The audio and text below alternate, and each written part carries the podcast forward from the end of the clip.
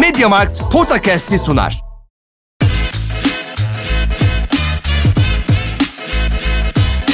Potakast. Kaan Kural ve Orkun Çolakoğlu'yla NBA gündemine haftalık bir bakış.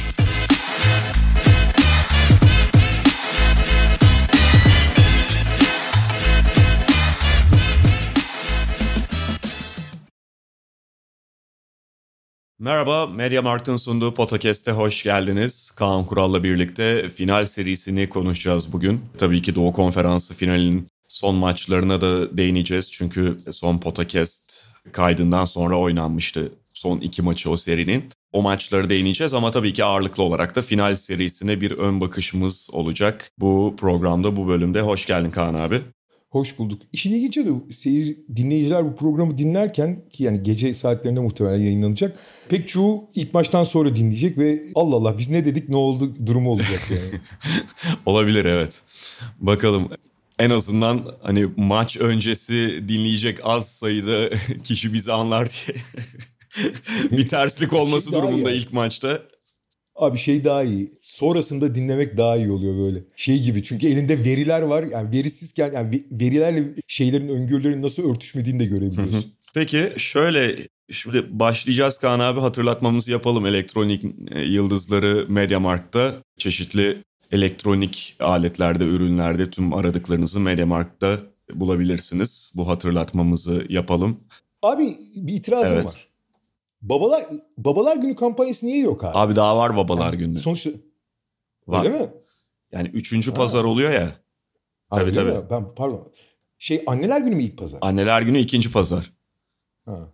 İyi daha varmış canım. Mayıs'ta ikinci pazar, ben Haziran'da bir üçüncü an pazar. kendimi kö- ya sonuçta her tür kampanya beni şey yapıyor da zor durumda bırakıyor da bu sefer hani benimle ilgili kampanya olduğu için bir nebze daha gönlüm hoştu. Şimdi kampanya olmazsa üzüleceğim. Var abi var. Rahat ol.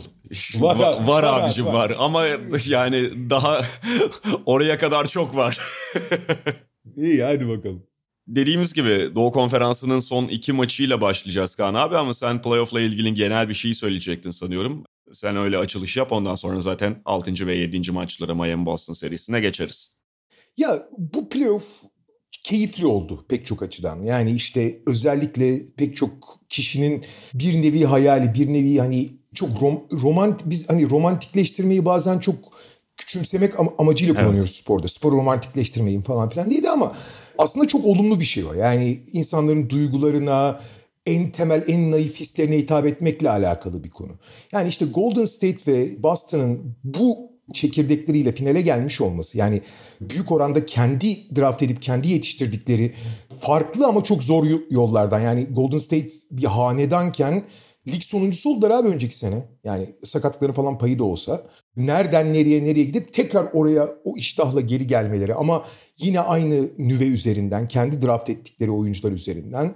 Keza Boston yaşadıkları hala da yaşadıkları yani şu anda geçmiş değil pek çok problemleri ama hani Jalen Ocak ayı gibi işte Jalen Brown, Jason Tatum, Smart çekirdeği dersin. Hani Horford'u biraz hafif dışarıda bırakmak lazım ama e, ya bu ve Robert Williams tabii ki Horford hariç herhalde. Hani bu çekirdekler işte e, bu çekirdek olmayacak. Hatta takım içi kavga ediyorlardı. Yani sahada mutsuz bir halleri vardı. Hani oradan buraya gelmiş olmaları bu yaklaşık bir 10 yıldır falan yani Miami LeBron Miami döneminden beri bir hanedanlar, bir yıldızların bir araya gelmesi. Bu play- player empowerment denen yani yıldız oyuncuların her şeye karar verdiği ve bunun tabii başını çeken LeBron oluyor büyük oranda ama sırf LeBron da değil işte en son Brooklyn örneği de var önümüzde. E mesela hani Milwaukee büyük oranda işte Antetokounmpo, Chris Middleton örneğinden yola çıksa da işte onlar da Drew almak için çok büyük bir çaba sarf ettiler. Hani ancak öyle aşabildiler. Keza Phoenix falan. Hani bunlar şey gibi doğruları yapan ve işte dersine günü gününe çalışan doğru Ahmet örnekleri gibi oluyor. Bu çok güzel, çok doğru ve insanın gerçekten iç- içini ısıtan bir şey. Yani bunu bir kenara koyalım. Bu, bunu olum, olumsuzlaştırmak için söylemiyorum. Ama şu da bir gerçek ki bu iki takımın finale gelmesi konusunda ciddi şekilde basketbol seviyesinin düştüğünü söylemek lazım. Ben açıkçası yani Golden State hanedanı bittikten sonra da pandemi süreci çok etkiledi oynanan oyunu vesaire. Ama hani bu sene biraz daha normalizasyon yaşamıştık. Ama abi o normalizasyonun içinde de şu playoff'lara bakıyorsun. Abi birçok yani şöyle şampiyon adayı takım, finale gelen takım, diğerlerinin hepsini eleyen takım elbette belli şanslar yaşar. Yani rakiplerin şanssızlıklarından yararlanır, kendileri şanslıdır. Bir top girer, iki top girmez vesaire bunlar olur. Ama elendikçe yavaş yavaş mesela 3 sene önce Portland'ın konferans finali sekerek gelmişti ya. Hı hı.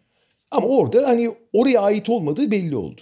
Yani e, yavaş yavaş şeyler elenir ve gerçekten komple takımlar yani en az zaafı olan takımlar, en üst düzeye çıkmış takımlar finale gelir. Abi bu sene bakıyorsun yani Golden State'de Boston'da defolu takımlar. Eksikleri olan takımlar ve şey evet özellikle Golden State çok doğru yerde çok doğru bir form yakaladı. Boston belki birazdan konuşacağız. Tarihin gördüğü en iyi savunmalardan biri vesaire. Çok özel özellikleri var zaten hani böyle tesadüfen hani kimse yoktu da geldiler demiyorum. Ama net bir şekilde devamlılığı çok yüksek olan her maçta bir şampiyon havası veren takımlar olamadı kimse. Hı hı. Abi e, bu Golden State'in Memphis serisinde 60 fark yedi abi. İşte ne kadar zorlandığını bazı maçlarda biliyoruz. E Boston'ı hani birazdan da konuşacağız. Söylemeye gerek yok. Yani hakikaten hiç kaybedilmemesi gereken, hakikaten üst düzey bir takımı yapmayacak basitlikte saçmalık. Yani hata değil, saçmalık yaparak falan. Hı hı buralara geliyor. Ve açıkçası bütün playoff'a bakıyorum. Ben keyif aldım hani onu söyleyeyim. Bence keyifliydi ama Boston Milwaukee serisi hariç hiçbir seri süper üst düzey seri olmadı abi. Yani bir sürü başka faktör. Sakatlık olur, formsuzluk olur, tökezleyip ayağa kalkamamak olur falan. Yani hiçbiri çok güzel seriler olmadı yani. Belki Phoenix Dallas diyeceğim ama onda da hep tek taraflı oldu. Hele ki abi mesela şey de çok acayip. Yani bu sezonu en iyi anlatan şeylerden biri. Abi Phoenix'in son maçtaki hali neydi Allah evet. aşkına ya? Neydi yani? Hani tamam hani herkes bir dağılabilir ama bu sene dağılmalar çok fazla. Yani Miami'ninki biraz sakatlıkla bağlantılı. E, dediğim gibi en iyi seri Milwaukee e, şey serisi oldu. Orada da Chris Middleton olsa çok farklı olacaktı muhtemelen. Yani o kadar aradılar ki onu. Evet. Ama e, sonuçta diğerlerinden daha iyi oldukları için yanlış anlaşılmasın. Diğerlerin hepsinden daha iyi oldukları için buradalar. Ama bu sene seviyenin daha doğrusu pandemi başından beri şampiyonluğa giden takımların böyle dominant şey hani sağlam pazuları olan takımlar olmadığını gördük. Onu da söylemek ee, lazım. Kesin abi. Yani katılıyorum. Ben hatta şey de söyleyeyim sana. Ben çok keyif de almadım playoff'tan. Yani bu tabii çok göreceli bir durum. Keyif alma almama. Ama mesela işte Phoenix Dallas'tan bahsettin. O benim için çok ciddi bir hayal kırıklığı oldu kendi adıma. Yani 7 maça da gitti ama 7 maçın içinde şey yok yani. Gerçek anlamda keyif veren bir maç olmadı neredeyse. Başka işte mesela Boston Miami'nin de belli maçları öyleydi aslında. Her ne kadar o da 7 maça gitmiş olsa da. Keza Milwaukee Boston'da belli ölçüde gördük. Yine en iyi seriydi orada bir şey demiyorum. Yani çok böyle dolu dolu bir playoff olmadı. Ha finalden çok umutluyum o konuda. Tam oraya gelecektim. Ben de Milwaukee Boston'la ilgili şey söyleyeyim. O seride 6,5 maç süper oldu abi. Yani 7. maçın ilk yarısına kadar her şey süperdi ama 7. maçın ikinci yarısında özellikle Antetokounmpo bittiği Hı-hı. için enerji olarak onun ikinci yarısında yani yedinci maç sonu da sonu sönük geçti ama abi o süper seriydi. Şimdi onun hakkını Tabii ama yani. dediğin gibi işte oradan da mesela Chris Middleton'ın olmayışı bir böyle ya şey ha, düşündürüyor. Tabii. Ya o olsaydı ne olurdu? Yani ki bu defa Milwaukee geçerdi de diyemiyorsun direkt olarak ama kesinlikle Milwaukee daha iyi durumda olacaktı e, şu anki yani bu serideki haline göre. Ve yani belli faktörler var bunda işte mesela Phoenix ligin en iyi takımının normal sezondaki en iyi takımının ve biz de çok konuştuk. Hani en komple gözüken takım. En iyi takım başka bir Doğru. konu. Dereceden bağımsız en iyi takım olmak, en güçlü takım olmak başka bir konu ama en komple gözüken, en böyle e, kitaba göre eksiksiz gözüken takımın ve mental olarak da hani belli bir seviyeye artık ulaştığını farz ettiğimiz bir takımın o hale düşmesi hakikaten çok büyük şoktu. Şimdi en iyi takım beklediğinden biraz erken elenince zaten bu playoff'tan götürüyor. E şimdi şey de götürüyor. Yani ne olursa olsun bu sezonki takımlarının hiç hak etmediği ortada ama çok büyük starlar olarak LeBron, Anthony Davis, işte diğer taraftan Kawhi Leonard, Paul George yani bu figürlerin, bu ağırlıkta oyuncuların playoff'ta yer almaması bir şeyler götürüyor. E, ligin MVP'si kolu kanadı kırık bir takımda oynamak durumunda. Orada Jamal Murray yok falan. Yani bunların hepsi diğer MVP'nin en önemli adayı yüzü kırıldı. Evet yani bunların bunların hepsi şey oldu. Playoff'tan çekti ve biraz da bununla muhtemelen bağlantılı e, ortaya çıkan tablo. Ama yani biraz önce de dediğim gibi ben en azından hani çok denk ve bu defa hayal kırıklığı yaratmayacak bir final serisi bekliyorum. Sadece ummuyorum öyle olacağı düşüncesindeyim. İyi eşleşiyorlar birbirleriyle. Belli ilginç hale, daha da ilginç hale getiren faktörler var. Yani 7. maç görmemiz bence az bir olasılık değil. Fakat gerçekten şu anda mesela serinin bütününü konuşmayı zorlaştıran bazı belirsizlikler de var. Onları da zaten konuşacağız. Aynen öyle. Ama e, Doğu Konferansı'nın son iki maçıyla başlayalım istersen. Yani Boston, Miami 6-7. E, onlara bir kısaca değinip ondan sonra e, finallere geçebiliriz. Ya Boston nasıl bu turu geçti? Hani hakikaten evliyalar da yardım etti. Yani daha doğrusu kazanmak için her şeyi yapıp daha sonra kaybetmek için akıl almaz saçmalıklar yaptılar. Hani ve bir şekilde kazandı. Abi son maç tamam yedinci maç. Bir kere altıncı maçta evinde bitirememişsin ama zaten Boston'ın bu sene evindeki maçlarda yani Milwaukee ve Miami serisinde evinde toplam yedi maç oynadı. Dördünü kaybetti abi yani. Ama deplasmanda oynadığı yedi maçında altısını mı, altı, beşin, altısını mı kazandı? Beşini kazandı pardon. Yani hiç sağ solu belli olmuyor. Abi yedinci maç tamam mı? Her şeyin belli olacağı maç. Deplasmandasın falan ama hiç oralarda sarsılmış gözükmüyor Boston. Abi devre sonundaki son 3 2,5 dakikada 11-0 11-2 maçın sonundaki son 3,5 dakikada 11-0 seri yediler. Son iki serbest atış, taktik serbest atışları saymıyorum. Hı hı. Marcus Smart'ın attığı. Abi 98-85 önde giriyorsun şeye. 3,5 dakika kala. Tarihin gördüğü en iyi savunmalardan birine sahipsin. Hakikaten yani muhteşem bir savunması var Boston'ın. Birazdan final şeyinde daha detay değineceğiz. Yani 3,5 dakika boyunca abi tamam mı? Gelsen hücuma 24 saniye topu sektirsen maçı kazanman gerekiyor durumda artık. Yani 24 saniye topu sektirip hakeme bıraksan 24 saniyede oldu diye maçı kazanman gerekiyor. Yani oradan maç topu yediler abi. Ya yani maç topunu atamadı Cimatlar ayrı konu. Kötü yani tercih biraz sorgulanabilir. Bence kötü bir tercih değil o kadar ki hani kendileri de çok sorgulamıyorlar ama oraya getirmek ama bu Boston'ın hikayesi abi. Milwaukee serisinin 5. maçını nasıl kaybettiklerini hatırlıyor musun? Şimdi onu tabii geçmişte kaldığı için. Yani orada Milwaukee gerçi 6'da 6 üçlük atmıştı yani hani muazzam. Bütün son çeyrek acayip şut attılar evet. evet.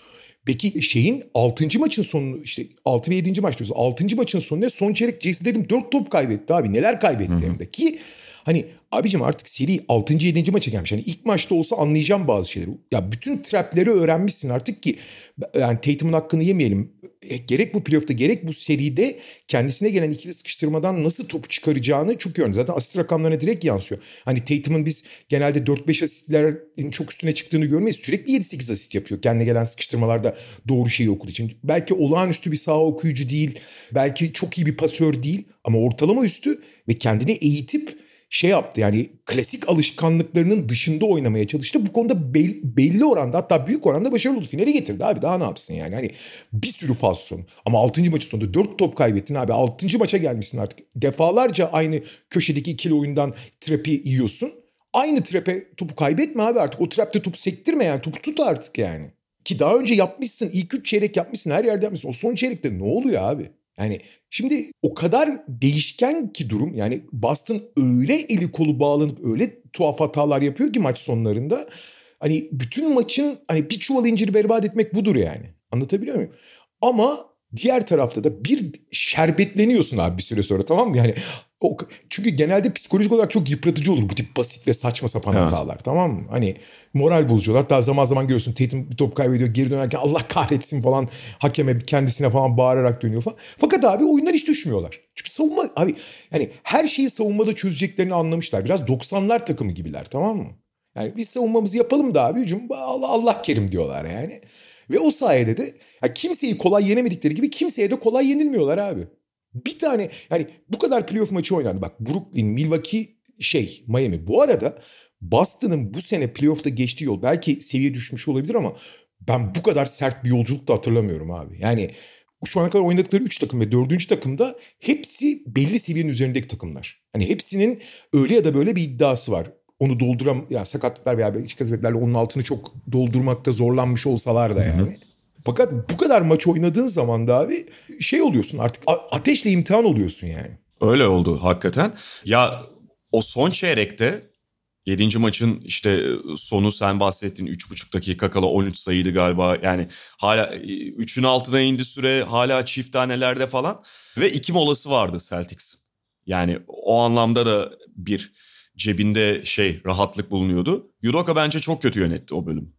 Oraları zaten iyi yönet... Yani şöyle zaten yani Yudok özür dilerim araya Yok, girdim ama. Abi Yudoko'nun yani Yudoko'nun uzun uzun değerlendirmesini yapabiliriz ama abi bu kadar şu maç sonu veriyorsan tabii ki oyuncularda çok büyük kabahat var ama yani koça da belli bir fatura çıkması Tabii lazım. ki yani özellikle orada şimdi muhtemelen şey falan diye düşündü. Yani Miami'nin tek bir molası var işte kalmış. Onlar da almak istemiyor haliyle o molayı saklamak istiyorlar. Ben bunları dinlendirmeyeyim diye. Ya bırak abi orada yani ya da e, kendi molasını harcamama gibi bir tasarrufta bulun hani onu düşündüyse o daha da hatalı. Çünkü abi yani mola saklamak başka bir şey ama o anki senaryoda 3,5 dakika kala 13 sayı öndesin işte 30 saniye sonra hala çift tane farklı öndesin falan. Orada artık maç sonunu düşünmezsin ki.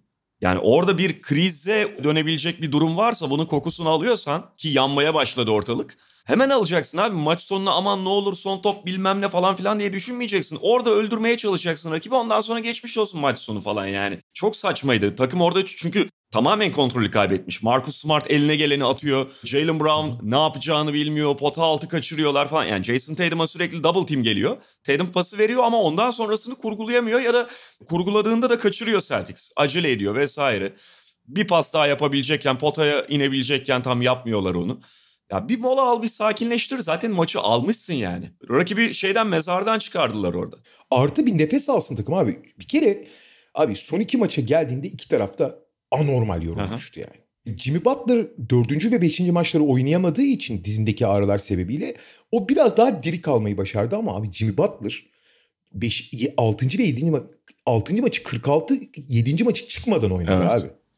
Boston'ın ilk beşindeki 4 oyuncu 43-44 dakikalarda oynadı. Ya abi Al Horford'u 44 dakika sahada tutuyorsun ya. Yani artık buralara geldik. Yani hani bütün yan parçalar abi siz oturun. Şimdi Boston 6 kişiyle oynadı. Çünkü son maçta Robert Williams'la dizleri ağrıyordu. Zaten sahada seke seke oynuyordu. Boston 6 kişiyle oynadı. Fiilen aslında şey de 6 kişiyle oynadı Miami. Çünkü PJ Tucker sakatlandı. ikinci yarıda oynayamadı. Bahsedilmedi ondan pek ama sakatlanmış daha doğrusu maçtan sonra ortaya çıktı. Yani sakatlığı nüksetmiş daha doğrusu. Çünkü zaten hepsi sakat. Ayrı konu. Nüksetmiş. Ama abi Jimmy Butler özellikle abi ben savaşmadan bırakmayacağım dedi. Ve abi Boston'ın esas gücü savunma derken savunmada şimdi modern savunma bayağı değişti abi artık. Yani şimdi 90'larda 2000'lerde hani uzun süredir basketbolu izleyenler e, işte özellikle son dönemde şeyde çok yeni dönemde NBA'de savunma yapılmıyor muhabbeti çok yapılıyor ya. Eskiden gerçekten savunma takımları vardı. Şimdi eskiden gerçekten savunma takımları vardı evet. Ama şu anda savunma yapılmıyor demek bir kere çok büyük haksızlık. Yani onu daha önce konuşmuştuk zaten. Yani şeye bakılır burada. Points per possession'a bakılır. Yani hücum başına üretilen sayıya. Ya kardeşim hücum başına üretilen sayı ay, yüzde sadece 6 fark etmiş. O da 3 sayı volümünün artmasıyla alakalı. Yoksa her hücumda aynı miktarda sayı üretiliyor hala. Bu da yani özellikle e, yeni dönem hücumcuların eskisinden daha kötü olduğunu düşünmüyorsan ki bence daha iyiler. Hı hı. Ki bunu hani herkes kabul eder herhalde. Yani daha kompleler. Özellikle orta seviye oyuncuların seviyesi çok artmış durumda şu anda. Süper yıldızlar için ayrı bir tartışma yapılabilir. Bile, bilemem ki hani şimdikinin süper yıldızları da çok özel. O yüzden hani savunmanın yapıldığı rakamlarla ispatlanmış durumda. Fakat savunmanın ana prensipleri çok değişmiş durumda. Yani işte bir zamanlar şimdi savunmayı gözlemlemek çok kolay bir şey değil. Biz genelde işte hani dışarıda top sektiren bir oyuncunun işte formasının içine giren ona alan bırakmayan bir üf ne savunma yaptı falan diyoruz. Evet doğru. Pota altında böyle gelene geçene işte yakaladığına acayip acayip bloklar yapan Mutombo gibi adamlar vesaire. Ve pota altında böyle boğuşan ve geri adım atma işte Ben Wallace'lar falan filan. Göğsünü alıp hani ona potayı göstermeyen adam. Şimdi bunlar yanlış değil. Bunlar ama şimdi hücumlar genelde sırt dönük değil çoğu zaman yüz dönük yapıldığı için ve oyuncular özellikle yön değiştirme konusunda çok özel bir yerlere geldikleri için bir kere zaten ligdeki total blok rakamları acayip düşmüş durumda. Yani 20 yıl öncesine. Bunun tek temel bir sebebi var. Pota altına bir tane sırık dizip orada geleni geçeni bloklayamıyorsun. Çünkü bir kısalar çok daha mahir. Floater atıyorlar. Yani blokçunun üzerine gitmek blok yapılacak bölgeye hiç girmiyorlar. Ama o blok tehdidi çok önemli ki oraya kadar giremesinler. Biraz daha hani olay artık rakibin istediği atışı değil daha az verimli olduğu atışları vermek üzerine kurgulu. Hı hı. Durdurmaktan çok düşürmek, seviyesini düşürmek üzerine kurgulu. Bunun da bir tane çok temel prensibi var. Yani bütün savunmayı tek cümlede açıklamak imkansız ama abi topu istediği yere götürebiliyor mu bir hücum?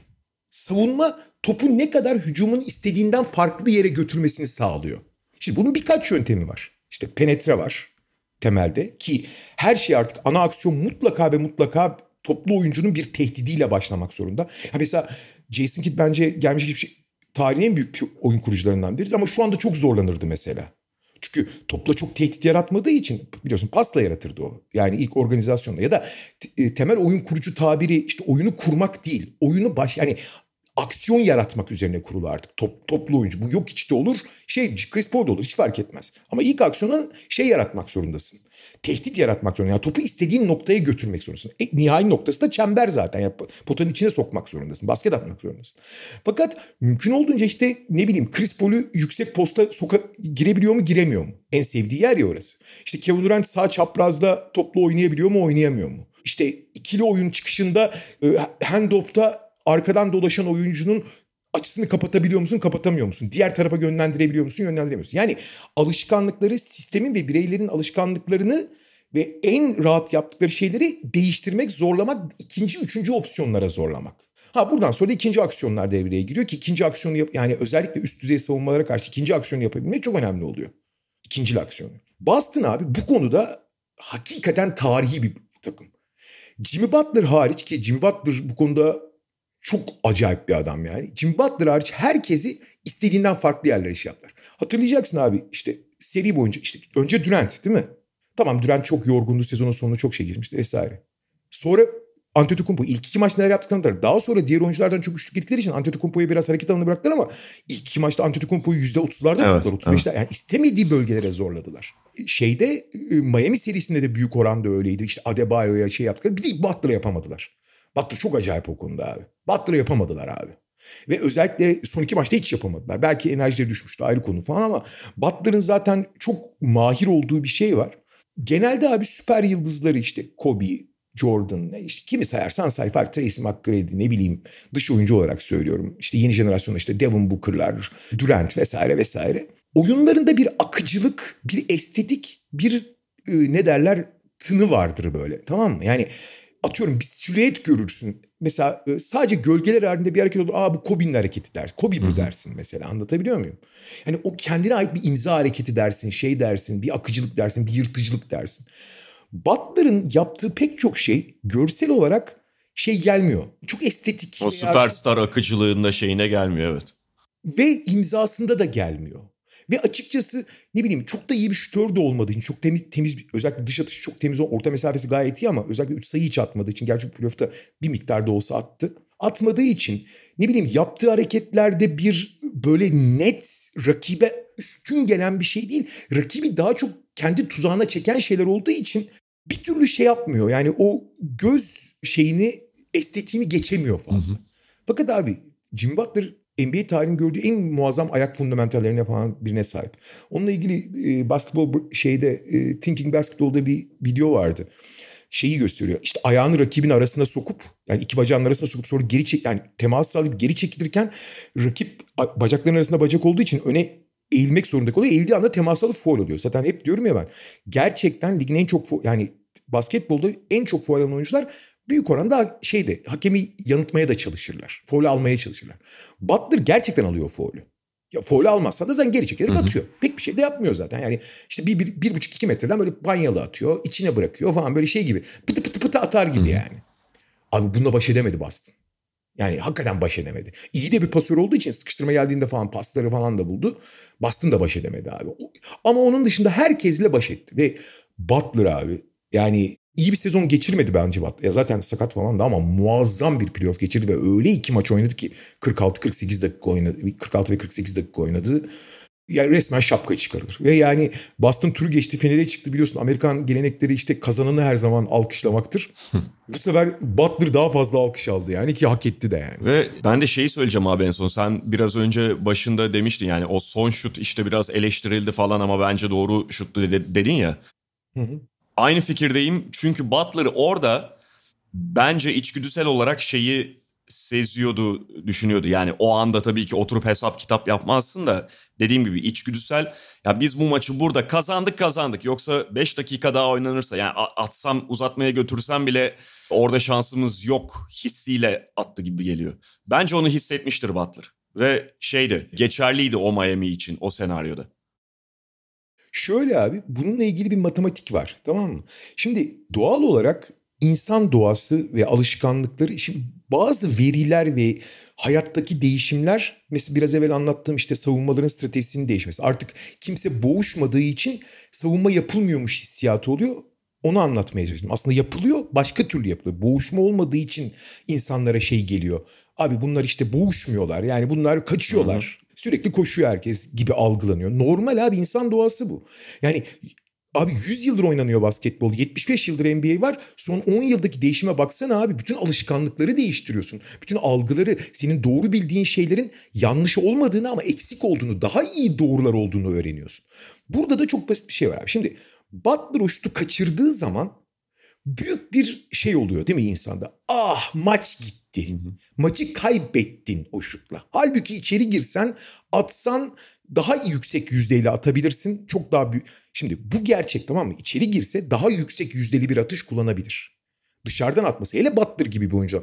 O yüzden zaten burada matematikte bir problem var. Yani onu atan Butler değil Struz olsa çok doğru atış Hı-hı. dersin. Ama Butler da o şutu atmayı hak etmişti ve bu playoff'ta da atıyordu. Şimdi matematik şunu söylüyor abi. İnsanları şunu anlamış. İşte maç topu ya kardeşim sen basket yapmalısın. Yani sonuca gitmelisin. Sonuç almalısın.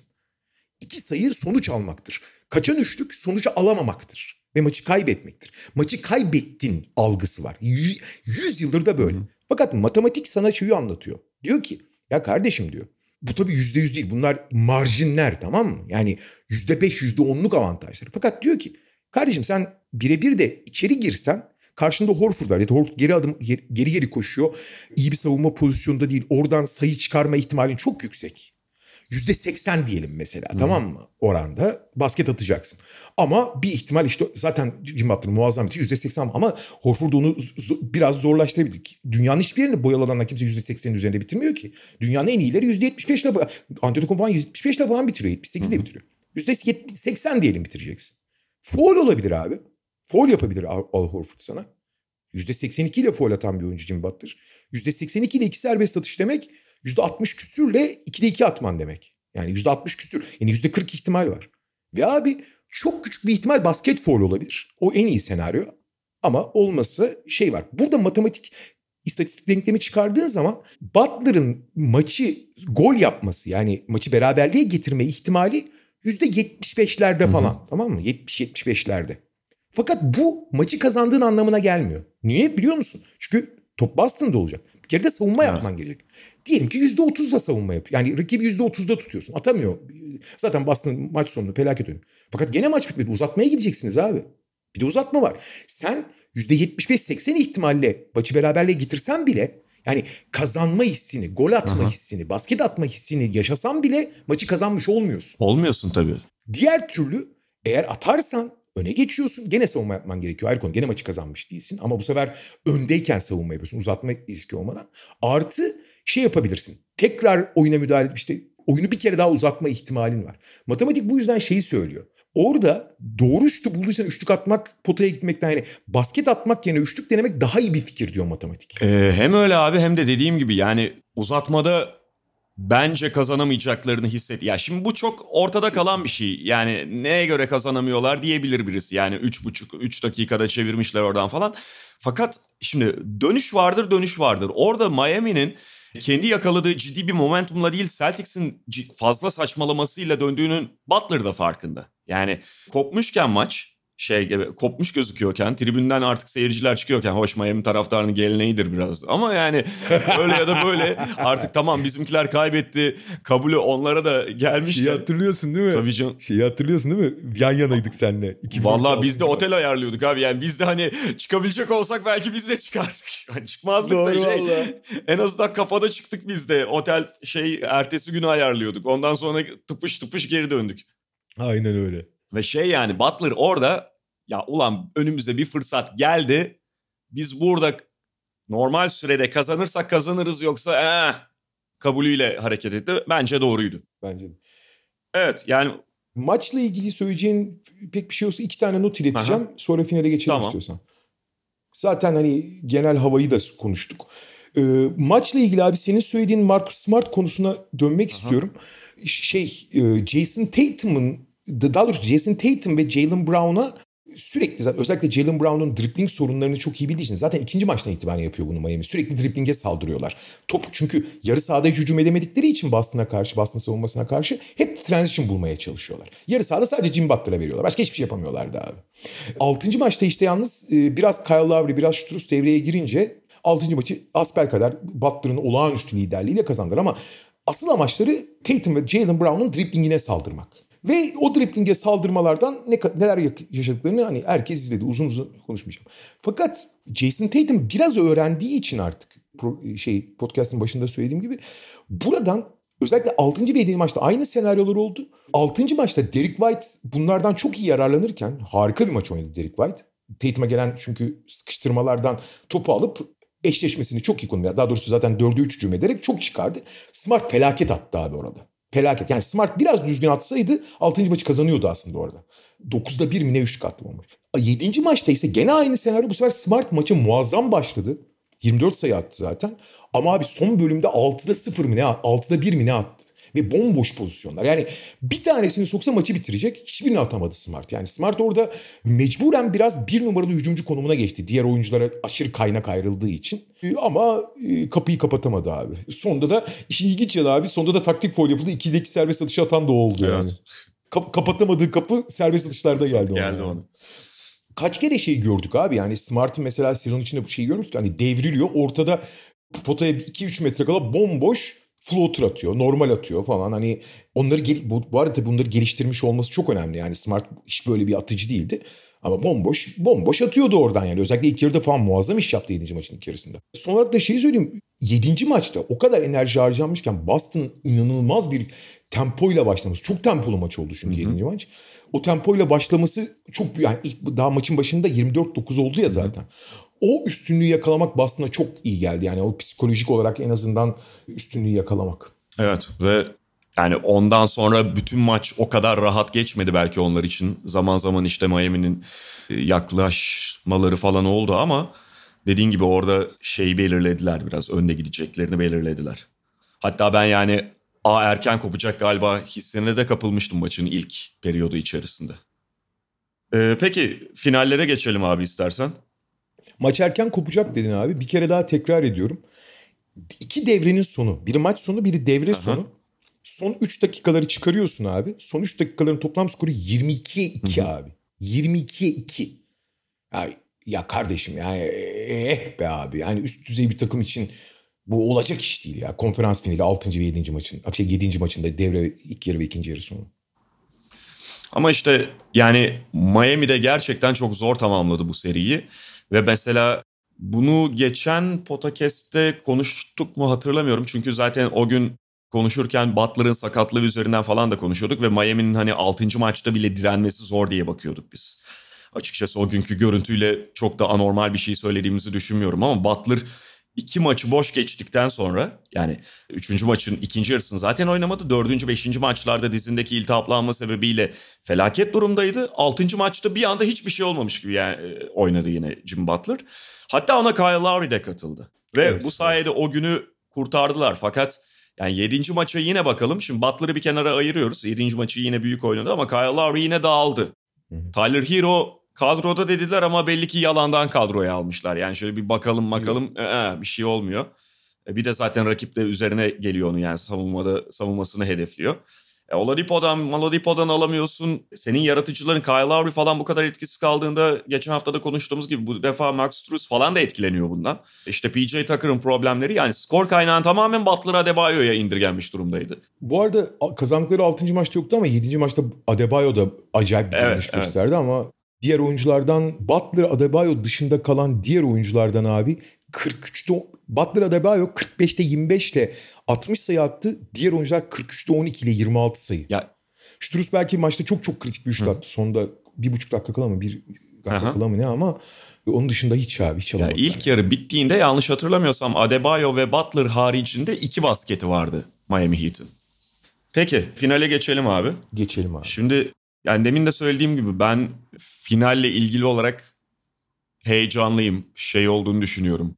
Oldukça çekişmeli geçme potansiyeline sahip olduğunu düşünüyorum. Evet bu potansiyele sahip olan e, bazı seriler büyük hayal kırıklığı yaratmış olabilir ama eşleşme olarak Celtics Warriors ben yıllardır severim. Yani şeyden beri Celtics'in henüz bu profile gelmediği Warriors'ın ise o hanedanlık döneminde üst üste şampiyonluklar ve finaller döneminde olduğu zamanlardan beri severim. Çünkü bir şekilde Marcus Smart işte o dönem Avery Bradley vardı ne bileyim sonrasında işte yavaş yavaş Tatum Brown onları... E, Avery, Avery Bradley'nin iyi topçu olduğu Evet dönemler. evet ve baskısıyla hani onun ciddi bir ön alan savunma kozu olduğu dönemler. Al Horford'un yine Celtics'teki önceki dönemin ve ligin önemli savunma uzunlarından biri. Şu an olduğu gibi aradaki o şeyi yaşamamış. Ee, ve Warriors'ı hakikaten çok bozabilen bir takımdı Celtics. Yani dediğim gibi evet. genel profili Celtics'in bu kadar yükselmemişti henüz bir şampiyonluk adayı olarak geçmiyordu. Fakat Warriors'ı bozabilen bir takımdı. Geçmişte bunun örnekleri var. Şimdi zaten başka bir profildeler. E buraya da geldiler NBA finaline. Bu anlamda bir kere hani iyi bir eşleşme olduğunu düşünüyorum. İkincisi yani biraz şey de var tamamen bunun üzerinden okunamaz ama Golden State'in hücumu Boston'ın savunması gibi bir anlatı ya da bir işte bakış noktası geliştirilebilir ve hakikaten bunlar da sonuçta çarpacak. Golden State hücumu belki böyle her maçı gürül gürül oynayan falan bir şey de değil. Zaman zaman çok zorlanıyorlar ve Celtics tipli savunmalar onları çok bozabiliyor. Kendi e, düzeninden çıkarabiliyor ama en azından böyle bir başlık da var burada. İşte zaten hani bireysel eşleşmelere falan geliriz ve soru işareti noktalarını da konuşuruz ama bu anlamda bana çok heyecan veriyor eşleşme. Çok haklısın abi. Çünkü bu eşleşmenin bir kere farklı stilde oynayan takımların bir karşı karşıya gelmesi her zaman çok büyük merak uyandırır. Bu şey gibi yani iki boksör üst düzey iki boksör maç yaptığı zaman keyiflidir ama bir boksörle bir karateci şey yaptığı zaman daha ilgini çeker. Hangi stil daha başarılı olacak diye ve hani hakikaten çok farklı stiller ve asıl hikaye şeyde dönecek. Golden State bu arada çok üst düzey bir savunma takımı. Yanlış anlaşılmasın. Hücumları çok etkileyici olduğu için o Curry'nin Curry'de vücut bulan halleri onları çok daha böyle şut ve sayı temelli bir takım gibi gösteriyor ama çok iyi bir savunma takımı. Zaten hanedan döneminde de öyleydi. Hala. Normal sezon 1-2 karşılaşıyor zaten defensive rating'de. Aynen. O bir kenar dursun. Ama bu maçın asıl karar verecek yeri bu aslında bir şöyle Golden State'ten bağımsız Boston'ın bütün rakipleri için geçerli bir durum aslında. Yani Boston kaynaklı bir sebepten dolayı Boston'ın savunması üzerinde organize Ve bu iki takımın niye bu kadar heyecan verdiği yani bu iki takımın hani NBA tarihinde önemli yerleri olması. Şey bu arada biliyor muydun? Ben de şeyde öğrendim. Yani final serisinin e, olduğu belli olduğu zaman. NBA'yi kuran 3 tane orijinal takım varmış. İşte biliyorsun 3 tane 1947'den önce 3 tane ayrı lig Aha. var böyle yerel ligler gibi. Knicks, Warriors, o zaman Philadelphia'dalar ama. Knicks, Warriors ve Celtics kuruyor asıl NBA'in ilk kuranlar yani. yani. Onlar bir araya girir. 8 takımla kuruluyor işte zaten o üçü. Onlardan iki tanesi yani 75. yılda öyle bir şey var. Tabii biraz evvel bahsettiğimiz kendi yetiştirdiği oyuncular falan. Fakat asıl hikaye yani basketbol tarafına dönersek işin e, bu tarihi ve işte takım kültürü konularını. Abi Golden State Stephen Curry özelinde her zaman işte üçlük takım üçlük takım olarak bilindi. O da mesela önemli bir yan, yanılgı demeyelim de yanlış algı. Golden State özellikle hani 2015'te biraz öyleydi ama 2015'ten sonra hiçbir zaman ligin en çok üçlük atan takımlarından biri olmadı. Onlar hareket üzerinden oynayan bir takım. Hı hı. Ve tamam bu takım belki 2017-18 yani o hanedan dönemindeki takımlardan biraz farklı olsa da bütün ana prensipler ve ana oyuncular buradalar zaten. Nitekim Golden State her zaman asıl farkı 3 sayılarda falan yaratmamıştır. Asıl farkı her zaman asist rakamlarında yaratmıştır. Çünkü Golden State bir hareket takımıdır. Hareket üzerine oynarlar. Dallas'ı da öyle yendiler. Herkes de öyle yendiler. Daha önce de böyleydi. Yani topsuz ligin en çok hareket eden takımlarından biri. Toplu çok hareket eden bir takım. İşte penetre üzerinden pas veya pas üzerinden penetre. Bunların hepsini yapan işte read and react denen ana aksiyonu yapıp sonra oluşan pozisyondan ikinci aksiyonlara çok çabuk geçebilen bir takım. O yüzden zaten Draymond Green hücumda değerli oluyor. Yoksa ya ne değerli olacak abi Draymond Green? Draymond Green'i başka bir takıma koy. Ne yapabilir abi hücumda mesela? Ama bu takımda değerli. Niye 7 asist yapıyor? 7-7,5 asist ortalamalarla oynuyor. Çünkü hareket ediyor. Ve karşısında ligin harekete en zorlaştıran takımı var. Şimdi bu ikisi karşı şey gibi işte Amerikalı tabiri vardır ya durdurulamayan güç e, hareket ettirilemeyen yapı gibi bir durum var yani. Hani bu ikisi karşı karşıya geldiği zaman acayip bir şey çıkacak. Ve çıkıyor da zaten.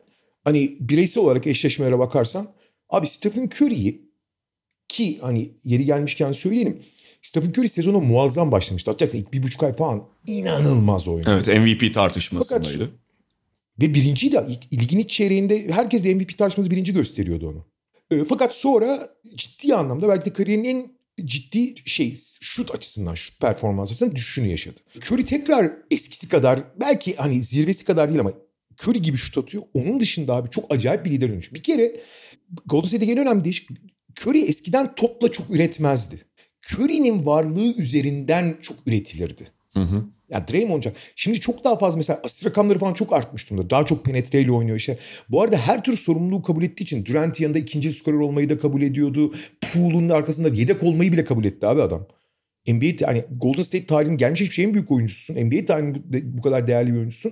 Ha, bu kadar da gönlüne indirebiliyorsun. Jamorant'ı, Lebron'u Jamorant'ı olmuş adamdan bahsediyorsunuz. Ve geri adım atmamış. Hatta ikinci maçı, ilk maçı şeyle Jamorant'a yaptığı savunmayla kazandırmış adamdan Hı-hı. bahsediyorsun. Şimdi de mesela daha oyun kurucu gibi oynuyor. Daha fazla. Ve anormal formda. Yani şu Dallas serisinde ikinci maçı mesela pool mul ikinci yarı çok iyi ama ikinci maçı Dallas kopup götürmediyse sadece Curry sayesinde muazzam bir ilk yarı oynadı mesela. Hı hı. Ve şeyde de öyle kaybettikleri 5. 4. maçta da ilk yarı yani Dallas muazzam oynarken kimse bir şey yapamazken Curry sağda tuttu. İkinci yarı yetmedi şeyleri ama yani hakikaten çok acayip bir seviyede oynuyor ve tekrar kendi ki bu, bu çok çok önemli çünkü dediğim gibi bu sene belki çok geçerli değil ama bir playoff serisinde sahanın en iyi oyuncusuna sahip olmak çok önemlidir.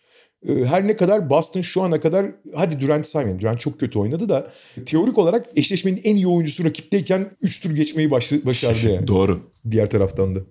Ne üstünden gitsek diye düşünüyorum da bakarken yani işte şunu söyleyeceğim istersen öyle şey yapalım. Yani şimdi tabii ki önce kağıt üzerinde değerlendirmek gerekiyor ve tek tek oyuncuları böyle karşılıklı işte ne bileyim Curry mi Smart mı şeklinde tartıya koymuyorsun ama e, genel olarak kadroları işte ana rotasyonları şu anda o daralmış olan rotasyonları bizim, bir bizim gençliğimizde öyle yapılır değil mi? İlk beşler böyle tartıya konur ve bench işte altı tane şey vardır kolon işte ilk beş oyuncuları ve bench Aha. işte oyun kurucular savaşını A, şu A takım kazanıyor. Bunları B takım işte şurada avantajları var falan diye birebir eşleşme yapıyor. Artık abi her şeyi switch edip Tabii abi. artık ne eşleşme var diye bir şey var. Abi. Ben de aklıma şey geldi. Yani okul hayatımda en önemli en sevdiğim vakit geçirme araçlarından biri böyle işte iki takımın karmasını yapmaktı. Yani yanında da işte şey başka takımı tutan arkadaşım var bilmem ne kaleye kimi koyuyorsun onun kavgasını veriyorsun bir de salak salak yani. Bu insanlara da diploma veriyorlar sonra işte. şey. E, Kua, Kuartet diye bir oyun vardı hatırlıyor yok. musun? Bu şey kartlar işte araba kartları var ha. işte beygir gücü hız falan ha, işte. Ha, ha.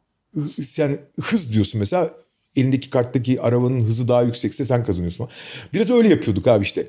Smart Curry eşleşmesi işte daha iyi üçlükçü. Smart Curry kazanır işte ne bileyim Tatum Wiggins eşleşmesi işte daha iki tara şey daha komple oyuncu. Abi böyle bir şey yok. Ha, yani. Herkes birbirine eşleştiriliyor, bağlanıyor olsaydı yani bu e, bakımdan bakmak çok daha kolay olurdu ama dediğin gibi yani bir kere kimse kimseyle bir pozisyon bile kalmıyor neredeyse Dolayısıyla böyle bakılamaz. Yani genel olarak tabii ki rotasyonlar üzerinden falan işte ana rotasyonları üzerinden takımın bir teraziye koyup düşünebilirsiniz. Bunu yani bu herhangi iki takıma bakarken ilk aklınıza gelen zaten şu takım şu takımdan daha güçlü gözüküyor dediğinizde her şeyi de anlatmaz tabii ki. Şu var abi böyle baktığımızda bana göre Celtics'in 7,5 kişilik rotasyonu aslında Golden State'deki muadilinden kağıt üzerinde bence herkes sağlıklı olduğunda bunun altını çiziyorum daha güçlü denebilir. Ya da Golden State'i eşleşmede çok ciddi bozabilecek, karşı taraftan da istediği kadar hücumunu işletecek kadar şey avantaj elde edebilecek bir yedi buçuk kişi gibi geliyor bana Celtics'in rotasyonu. İşte fiziksel avantajlar, belli pozisyonlar. Bu yedi buçuk kişi içerisinde Buçu, Pritchard'ı saymazsan direkt savunmada hedeflenecek bir oyuncularının olmaması Tam tersine Golden State'in e, o işte 8 kişilik ilk ana rotasyonunu düşünürsek orada Celtics'in hedefleyebileceği oyuncuların bulunması vesaire vesaire. Fakat bunu bozan şeyler var. Birincisi de Robert Williams. Yani Robert Williams'ın durumu bence bu seriyi tahmin etmeyi, bu seriyle ilgili bir tahminde bulunmayı gerçekten çok zorlaştırıyor. Çünkü senin de az önce bahsettiğin gibi 7. maçta Robert Williams sahada biraz yürür haldeydi. Ve Robert Williams Zaten 15 dakika. Tabii tabii. Yani 15 dakika bile oynayamayacak gibiydi maçın başındaki görüntüde. Hani Tyce'ı oynatmak istemediği için mecburen oynadı. Aynen, aynen. Robert Williams Celtics lehine çok şey getirebilirdi. Dengeyi Celtics lehine ciddi anlamda bozabilir sağlıklı olduğunda. Fakat Robert Williams eğer çok iyi durumda değilse ki mesela Brian Scalabrine dün galiba şey demiş. Yani bence Celtics ilk maçta dinlendirsin Robert Williams'ı gibi bir şey demiş. Bunu öylesine atmış da olabilir ama Brian Scalabrine yayıncısı Celtics'in malum yani biraz içeriye de yakındır ve durumunun çok iyi olmadığıyla ilgili bir bilgisi varsa onun üzerine bunu söylüyorsa o işte biraz endişe verici Celtics açısından. Ve tek bir oyuncudan bahsediyorum şu anda. Mesela Marcus Smart'ın durumuna falan gelmedim ama Robert Williams'ın bu durumu gerçekten çok denge değiştirebilir bence. Çok haklısın. Şöyle bir şey var. Biraz şeye benziyor durumu. Onunla ilgili detaylı bir şey okumuştum. Jimmy Butler'a benziyor. Yani Robert Williams şu anda tam olarak iyileşmiş durumda. Fakat dizindeki menisküs törpülendiği için oradaki kılcal damarların menisküs içindeki törpülenen bölgedeki kılcal damarların tamamen iptal olması ya, ya tamamen şey olması o dokunun yenilenmesi için belli bir zaman gerekiyor. Zaman zaman orada ödem oluşuyor. Hı hı. Ya kanama oluşuyor ve ağrı oluşuyor. Yoksa bir sakatlığı yok ama ödem olduğu zaman dizi ağrıyor ve tamamen atletizme dayalı bir oyuncu olduğu için de etkisiz kalıyor. Yani akılla makılla oynuyor olsa yani Doncic gibi olsa gene oynatırsın. Hı hı. Ama öyle bir oyuncu değil oynayanmıyor. Ama biraz Jimmy Butler gibi yani bir gün çok iyi gözükürken mesela bu serinin 3. ve 4. maçlarında muazzam gözüküyor evet, hatırlıyorsun. Evet. Yani eskisi gibiydi. O PJ Tucker'ın üçlüğünü blokladığı falan pozisyonlar vesaire ama sonra bizi ağrımaya başladı. Yani, yani bu akşam ne olacağını bilmiyoruz. Bu akşam muazzam gözüküp ikinci maçta kötü gözükmeyeceğini de bilmiyoruz. Bu dizi ağrıları sebebiyle. Şu açıdan önemli bir de şimdi bir Golden State abi özellikle doğru zamanda form yakalamak çok önemlidir. Yani dünyanın her yerinde böyle bu iş. Yani futbolda da basketbolda da her yerde. Ve Golden State sezon başındaki o bir buçuk ayda NBA birincisi oldukları dönemdeki formunu yakalıyor. Özellikle Curry, Wiggins ve biraz da sürpriz yumurta olarak çıkan Kevin Looney sayesinde yani Dallas serisinde de gördük. Yoksa Kevin Looney'nin tüm kariyerini biliyoruz. Evet çok belli açılardan çok sağlamdır ama hani NBA hiyerarşisinde ilk 20 pivot arasına yazmazsın yani. Hani çok yavaş bitiriciliği yani sadece boş kaleye gol atabilen falan bir forvet tipi uzun tipi hani sürekli boş kalıyor. Abi şimdi Robert Williams'ın orada sadece bu arada Looney ile alakalı bir konu değil bu. Golden State hareket üzerinden oynadığı için ve sürekli kendi kuyruğunu kovalayan kedilere çevirdiği için rakip savunmaları hareketin içinden, o blenderın içinden çıktıklarında kaç tane mesela Memphis serisinde şey, ki Memphis de iyi bir savunma takımıydı. Memphis serisinde, Dallas serisinde kaç tane gördük Curry'nin, Poole'un, Clay'in hatta hatta Clay'in ki yani en en uzak ihtimaldir. Wiggins'in boyalı alana girip turnike veya yakın atış bitirdiği. Şimdi Robert Williams olunca o atışları atmak çok çok daha zorlaşacak. Çünkü oralarda devriye gezecek yani. Horford'un veya Grant Williams'ın yapabildiği bir şey diyor. Kısmen belki biraz Horford yapabilir ama mesela Robert Williams orada önemli. Yani Golden State'in tüm sahada değil belli yerlerde hareket etmesini sağlamak için Robert Williams çok kritik. Mesela Miami serisinde bu kadar kritik değildi. Bu seride çok daha kritik. Evet ve dediğin gibi biraz hani bu akşam göreceğiz ya da devamında hangi maçta ne kadar kapasitede olacak. Ve yani onun işte bir önceki serideki Miami serisindeki 7. maç gibi kaldığı günlerde denge ciddi anlamda değişebilir. Yani Robert Williams'lı Celtics'i Golden State yenemez demiyorum ama çok daha avantajlı hale gelirler öyle senaryolarda. Zaten Celtics'in kadrosu epey daralmış durumda ve hani bir kişi daha oradan devre dışı kalacak. Tyus da dediğin gibi kullanmamaya çalışıyor. Muhtemelen yani burada da Golden State'i karşısına da çok çıkarmamaya çalışacak. Golden State'in ise rotasyonu genişliyor ilginç şekilde evet, sona abi. doğru. Yani Andre Iguodala bile dönüyor final serisine. Ha ne kadar kullanır ayrı konu. Bütün playoff oynamamış işte zaten artık yaşı belli bir noktada hücumda çoğunlukla götüren bir oyuncu ama ne olursa olsun bir savunma ve belli ölçüde playmaking kalitesi de getiriyor. Ya Andre Iguodala dahi dönecek. Peyton işte Otto Porter onların Porter, sakatlıkları geçti. Onlar da antrenmanlara katıldılar zaten ve zaten hani normalde onlar bu takımın rotasyonundalar. Golden hani Steve Kerr'ün tasarrufu bu ama ciddi 9 kişiyle falan götürebilirler bu seriyi rotasyonda. Ya tabii Gary Payton hadi Otto Porter'ı Otto Porter'ın sakatlığı da ayaktan yani ona iki sene kaçırmasını evet. sağlayan hani kronik sakatlık. E Iguodala örneğini verdiniz. Belinden sakattı ki zaten hani hücumda artık boş smaç dışında hiçbir şey yapmıyor falan. Hani onların sağlık durumu, katkıları sorun ama ellerini, elini, elini genişletiyor. Gary Payton bence çok önemli. Bunların arasında en önemlisi Gary Payton. Ama Gary Payton'ın da yani sonuçta dirsekteki bir şeyden küçük bir kırık vardı. Yani oradan ne kadar döneceğini göreceğiz. Ama o, o özellikle Jalen Brown savunması için falan çok kritik olabilir. Jalen Brown'la eşleşmekte çok zorlanır çünkü şey Golden State. Gary Payton orası için çok önemli. E, ama tabii zaten hücumda sınırlı bir oyuncuydu Gary Payton. Şimdi bu dirsek sakatlan dönünce hücumda hiç kullanılamayacak duruma gelmiş şey olabilir en azından belli bir süre. Ama sonuçta öyle ya da böyle yani onlarsız hesap yaparken zenginleşti. E diğer tarafta hani şeyleri düşünürsek detaylarda Golden State'in avantajları bununla kalmıyor. Şimdi evet pazar günü bitti seri ve perşembeye kadar ne, öyle ya da böyle nefes alma fırsatı bulmuş olsa da abi iki takımın yaptığı yolculukları düşünürsen Boston iki tane şey Game of Thrones gibi abi iki tane büyük savaştan geliyor yani. Hı hı. Yani Milwaukee ve Miami ile ne savaşlar yaşadılar. Yani doğudaki playoff'un sertliğiyle batıdaki arasında çok büyük fark var. Memphis serisi tamam biraz sert geçti ama Dallas serisi öyle sert geçmiyordu yani. Dallas çok açık oynuyor çünkü. Çok dışarıdan oynuyor. Yani çok dışarıya açılarak oynuyor. Hep birebir yani adam kovalayarak oynuyor. Hiç sıkıştırarak ya da temas sağlayarak oynamıyor ki. Diğer tarafta hani savaş yaralarıyla savaş tarihinde bir tabir vardır. Savaş yorgunluğu diye. Ya bir süre sonra savaşmak yani savaş yorgunluğu giriyor ama bir taraftan da bilenerek giriyor. E artı şey var abi yolculuk da önemli. Mesela Boston 6. maçta işi bitiremeyerek öyle başını belaya soktu ki abi Boston Miami arası çok ciddi bir mesafe. Hı hı. 4 saat uçuş demek. Boston'a kalktılar Miami'ye gittiler. Miami'de maç yaptılar. Boston'a döndüler şimdi 7 saat yani okyanus aşırı şey gibi San Francisco'ya gidecekler. Yani baya baya yorgun ama final serisinin araları çok açık. O yüzden fiziksel yorgunluk, bitkinlik evet Boston'da biraz daha birikmiş bir bitkinlik var. Golden State moral olarak da form olarak da çok yukarıda geliyor. Bu tip ama ev sahibi aynı zamanda.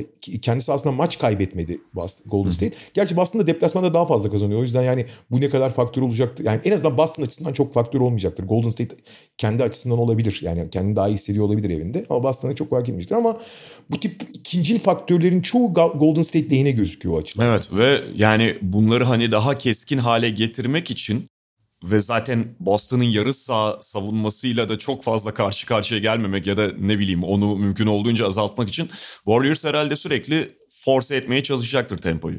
Ya zaten bu Warriors'ın kimliği de Celtics'e karşı ekstra elzem hale geliyor bu. Ve Warriors transition'da yani NBA'nin en iyi transition takımı Milwaukee abi. Aha. Yani o da Antetokounmpo yüzünden. Yani transition'da tek başına 3 kişilik oynuyor yani.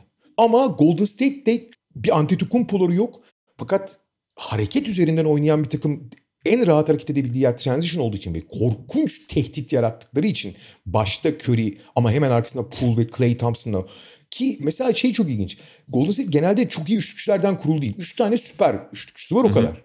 Ama onlar öyle büyük bir çekim etkisi yaratıyorlar ki herkesin hayatı çok kolaylaşıyor. Ve o yüzden hem hareketi bildikleri için hem açık sahada çok etkili oynadıklarını gerçi aşırı top kaybediyorlar ayrı konu. Ama transition'da ve ya, özellikle Boston'a karşı yarı saha oynamak istemezsin abi. Açık saha tetikleyeceksin. Bütün Miami serisini gördük. Golden State bunun için elinden geleni yapacaklar ve o konuda hakikaten çok yıkıcı olabildikleri bölümler oluyor.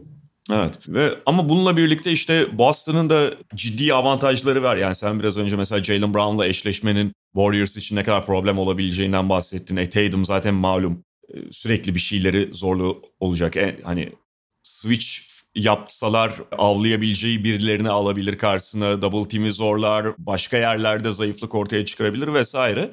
Fakat işte yani o şey kısmi dar kadro ne kadar Celtics'te taze kalabilecek hem maç sonlarında hem serinin devamında Robert Williams'ın katkısı ne olacak? Bir de Celtics'te hep konu olan yani bu Warriors için de tamamen bir soru işareti olmaktan uzak değil ama Tatum'un Brown'un alacakları skor desteği ne olacak? O da çünkü çok, çok gitgelli olabiliyor Boston Celtics'te. Ama şöyle evet çok gitgelli olabiliyor ama abi şöyle bir şey var. Miami'nin aksine ya da Milwaukee'nin aksine hı hı. daha önce oynadıkları Boston öyle ya da böyle buluyor. Mesela 6. maçta hiç bulamadı Smart'tan ama Derek White'tan buldu. 7. maçta maçın başında farkın açılmasını sağlayan Smart'tı. Hı hı. Destek olarak. Son bölümde kapıyı kapatamadı sadece. E Horford bir gün çıkıp yani 30 atmasını her zaman beklemiyorsun ama 14-15 sayı gayet rahat atabiliyor. Evet. E Grant Williams eğer istediği şutları hani Boston kimden alacağını çok bilmiyor ama birilerinden alacağını biliyorsun abi Boston'da. Yani herkes bir şeyler yapabiliyor olması o konuda hani bugün bu bugün bu diye en azından orada görece bir e, hafif kafa rahatlığı var Boston'da yani. Hani şöyle kafa rahatlığı derken hiçbir zaman çok verimli ve etkili bir hücum değil.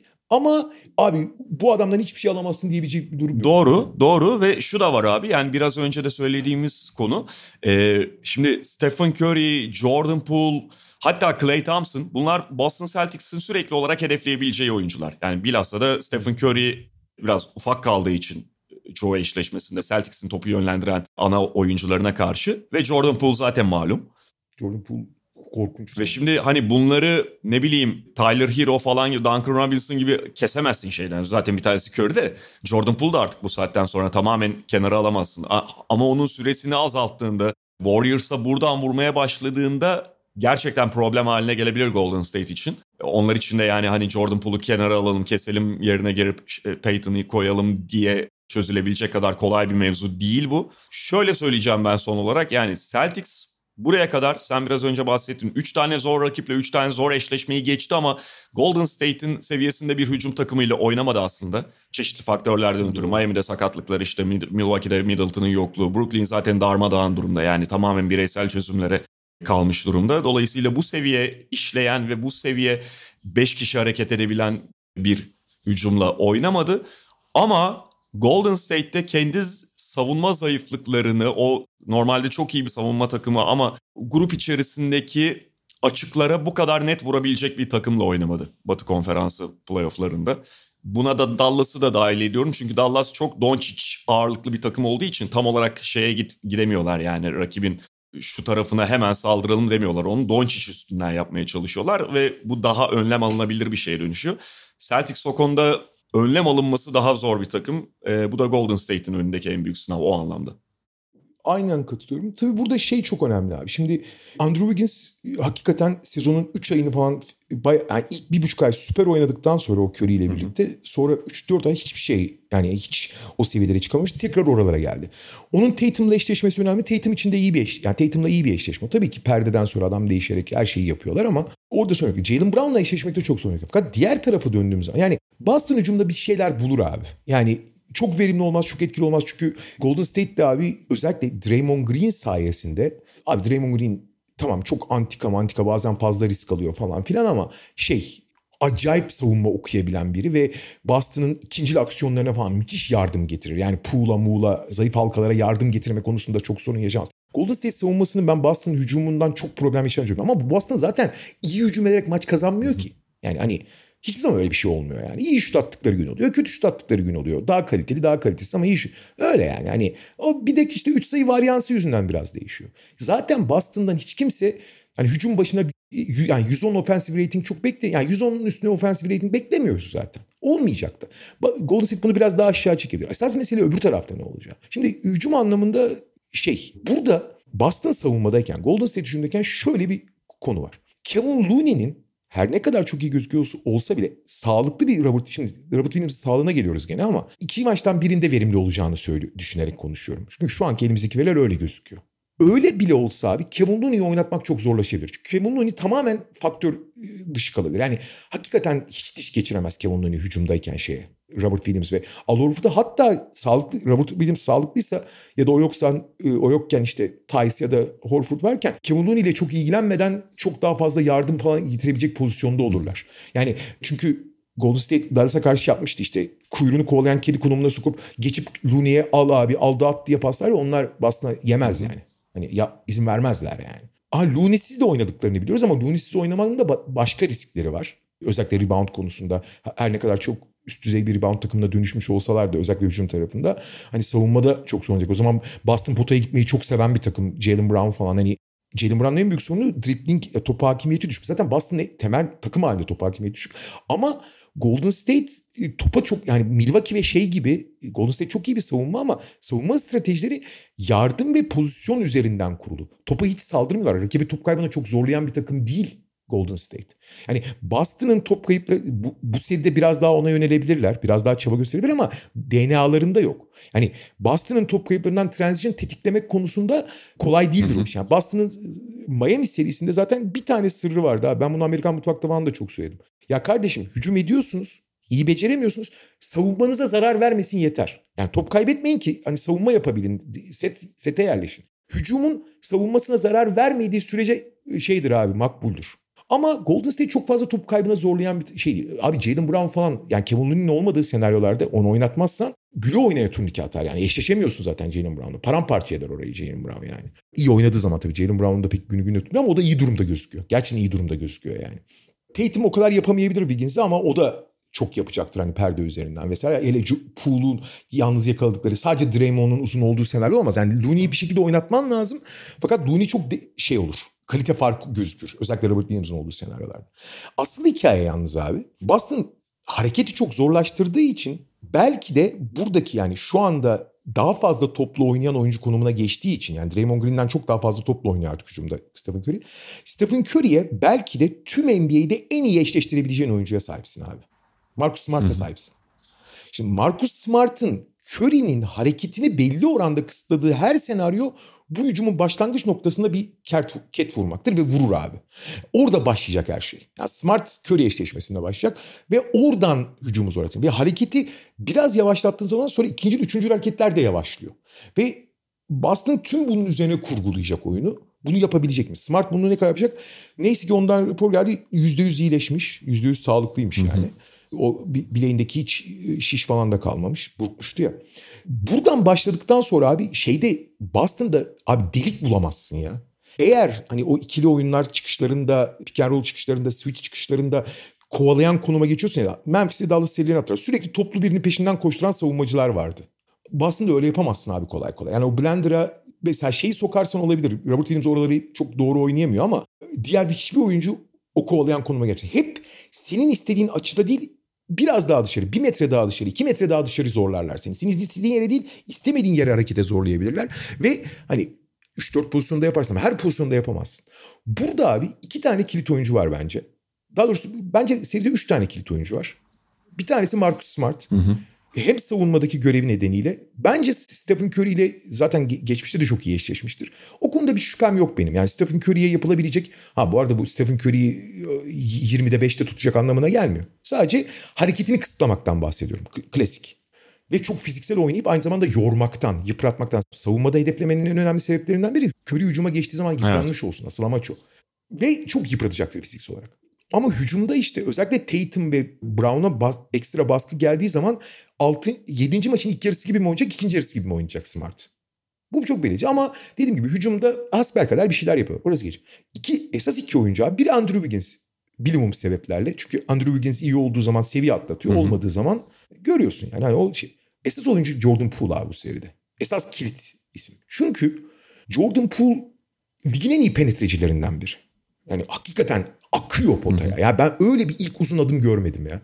İlk adımı çok hızlı oyuncu gördüm ama böyle uzun bir ilk adım atan oyuncu görmedim. Direkt yanına yani pek çok oyuncu penetre ederken savunmacısının yanına geçer. Zaten yanına geçtiğin zaman iş bitmiş demektir. Oradan bir şey yapamaz. Abi arkasına geçiyor ilk adımda ya. Çok acayip. Fakat bunu abi başkalarına yaparsın ama Boston savunması o geçiş sırasında Pool'un en önemli özelliği eksiği ne abi? Fizik olarak çok zayıf daha. Çok genç çünkü.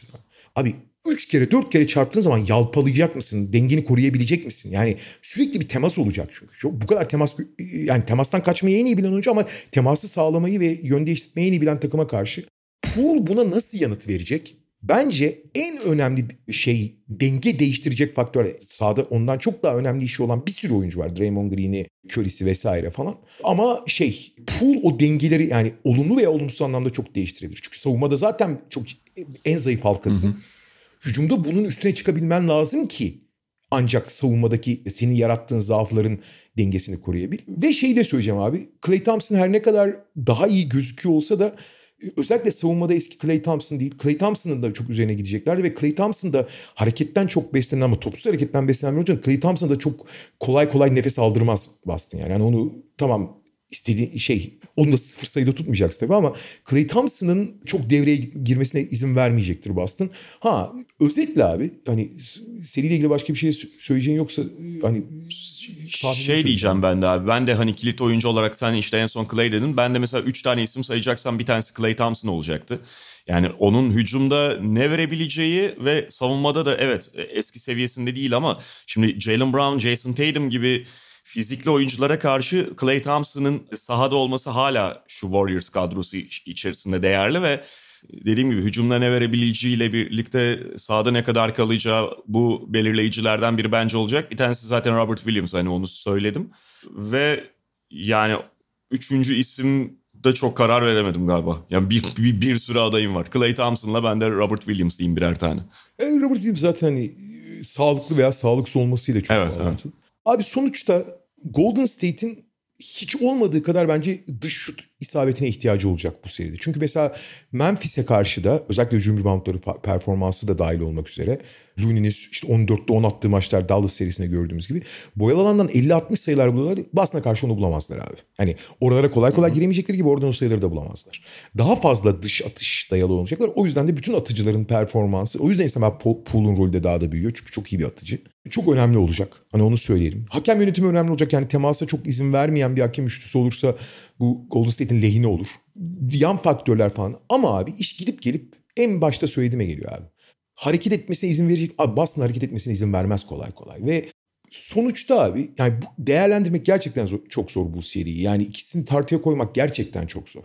Ya benim çoğu zaman yanlış da olsa bir fikrim olur ama aynı tartıya koymak çok zor ama gidip gidip en temele dönüyorsun abi. Sonuçta fizik kazanır abi. Hı hı. Yani sonuçta fizik üstün gelir yani. Ben o yüzden Boston diyorum. Ben de valla aslında başta söylediğim gibi ben Boston'ın kadrosunu yani sadeleştirilmiş işte 7,5-8 kişi kaç dersen rotasyonunu daha üstün görüyorum. Normalde ben de Boston derdim fakat Robert Williams'ın durumu soru işareti yaratıyor. Hem Milwaukee hem Miami serisinde normalde Boston çok üstürken 7. maç o serilerin gitmiş olması hatta yani Miami'nin neredeyse kaybedilecek olması çok benim için soru işareti yaratıyor. Artık Golden State'in sağ avantajı var ve Golden State'in rotasyonunun artık sezonun sonu gelmişken fiziksel yorgunluk ciddi bir faktörken Golden State'in tekrar rotasyonu genişletmiş olması da onlara belki ufak ama bir avantaj sağlayacak. Ben o yüzden şu anda yani özellikle Rob Williams'ın sakatlığı ve onunla ilgili belirsizlikten ötürü biraz 4-3 Golden State'e kaydım. Normalde ben de Celtics'e daha üstün görüyordum. Yani ama işte başka faktörler etkili oluyor bu zaman zaman. Söylediklerinin hepsine tamamen katılıyorum ama ne olursa olsun kısaların hareketini kısıtlayabilecek bir fiziksel savunma. Yani gidip gelip tartıda gibi onlarca şey var ama en ağır gelen ve en temel gelen şey ve açıkçası Boston'ın bundan hiç yani bilimsiz senaryolarda bile çok uzaklaştığını görmedik. Bu faktörün diğer bütün faktörlerin hepsini tartıya koysun. Bunun en son belirleyici olduğunu düşünüyorum. Normalde şey derdim ben. Deplasman takımı 4-2 kazanır. Yani 6. maç kendisi aslında Aha. ya. Yani deplasman takımını şey iddialı görüyorsan 4-2 dersin. Bu işler evet. böyledir yani. Evet. Hani ev sahibi hani çok yakın eşleşmelerde birbirine çok az fark belirliyorsa ya da çok emin olamıyorsan ev sahibi için 4-3, deplasman için 4-2 denir genelde hani şey. Ben de 4-3 Boston diyorum. Çünkü şey hani hakikaten hiç ayıramıyorsun ve Golden e, şeyin söylediğini Boston'ın deplasmanı ev sahibi Evet yani onun ev sahibi şey orada kapatamama huyu zaten ortaya çıkar diyorsun. Aynen. Ben de 4-3 Boston diyorum ama yani sonuçta dediğim gibi yani fizik fiziksel oynamak her zaman ne olursa olsun hangi devirde olursa olsun belki 2010'larda falan 2000'lerde daha geçerli pardon 2000'lerde 90'larda daha geçerliydi ama hala öyle abi bence. Peki bu geceden itibaren zaten göreceğiz, izleyeceğiz hep beraber. Sonrasında da tekrar Potakest'te buluşup konuşacağız. Mediamarkt'ın sunduğu Potakest'ten bugünlük bu kadar diyoruz. Haftaya tekrar görüşmek üzere. Hoşçakalın. Hoşçakalın. Mediamarkt Potakest'i sundu.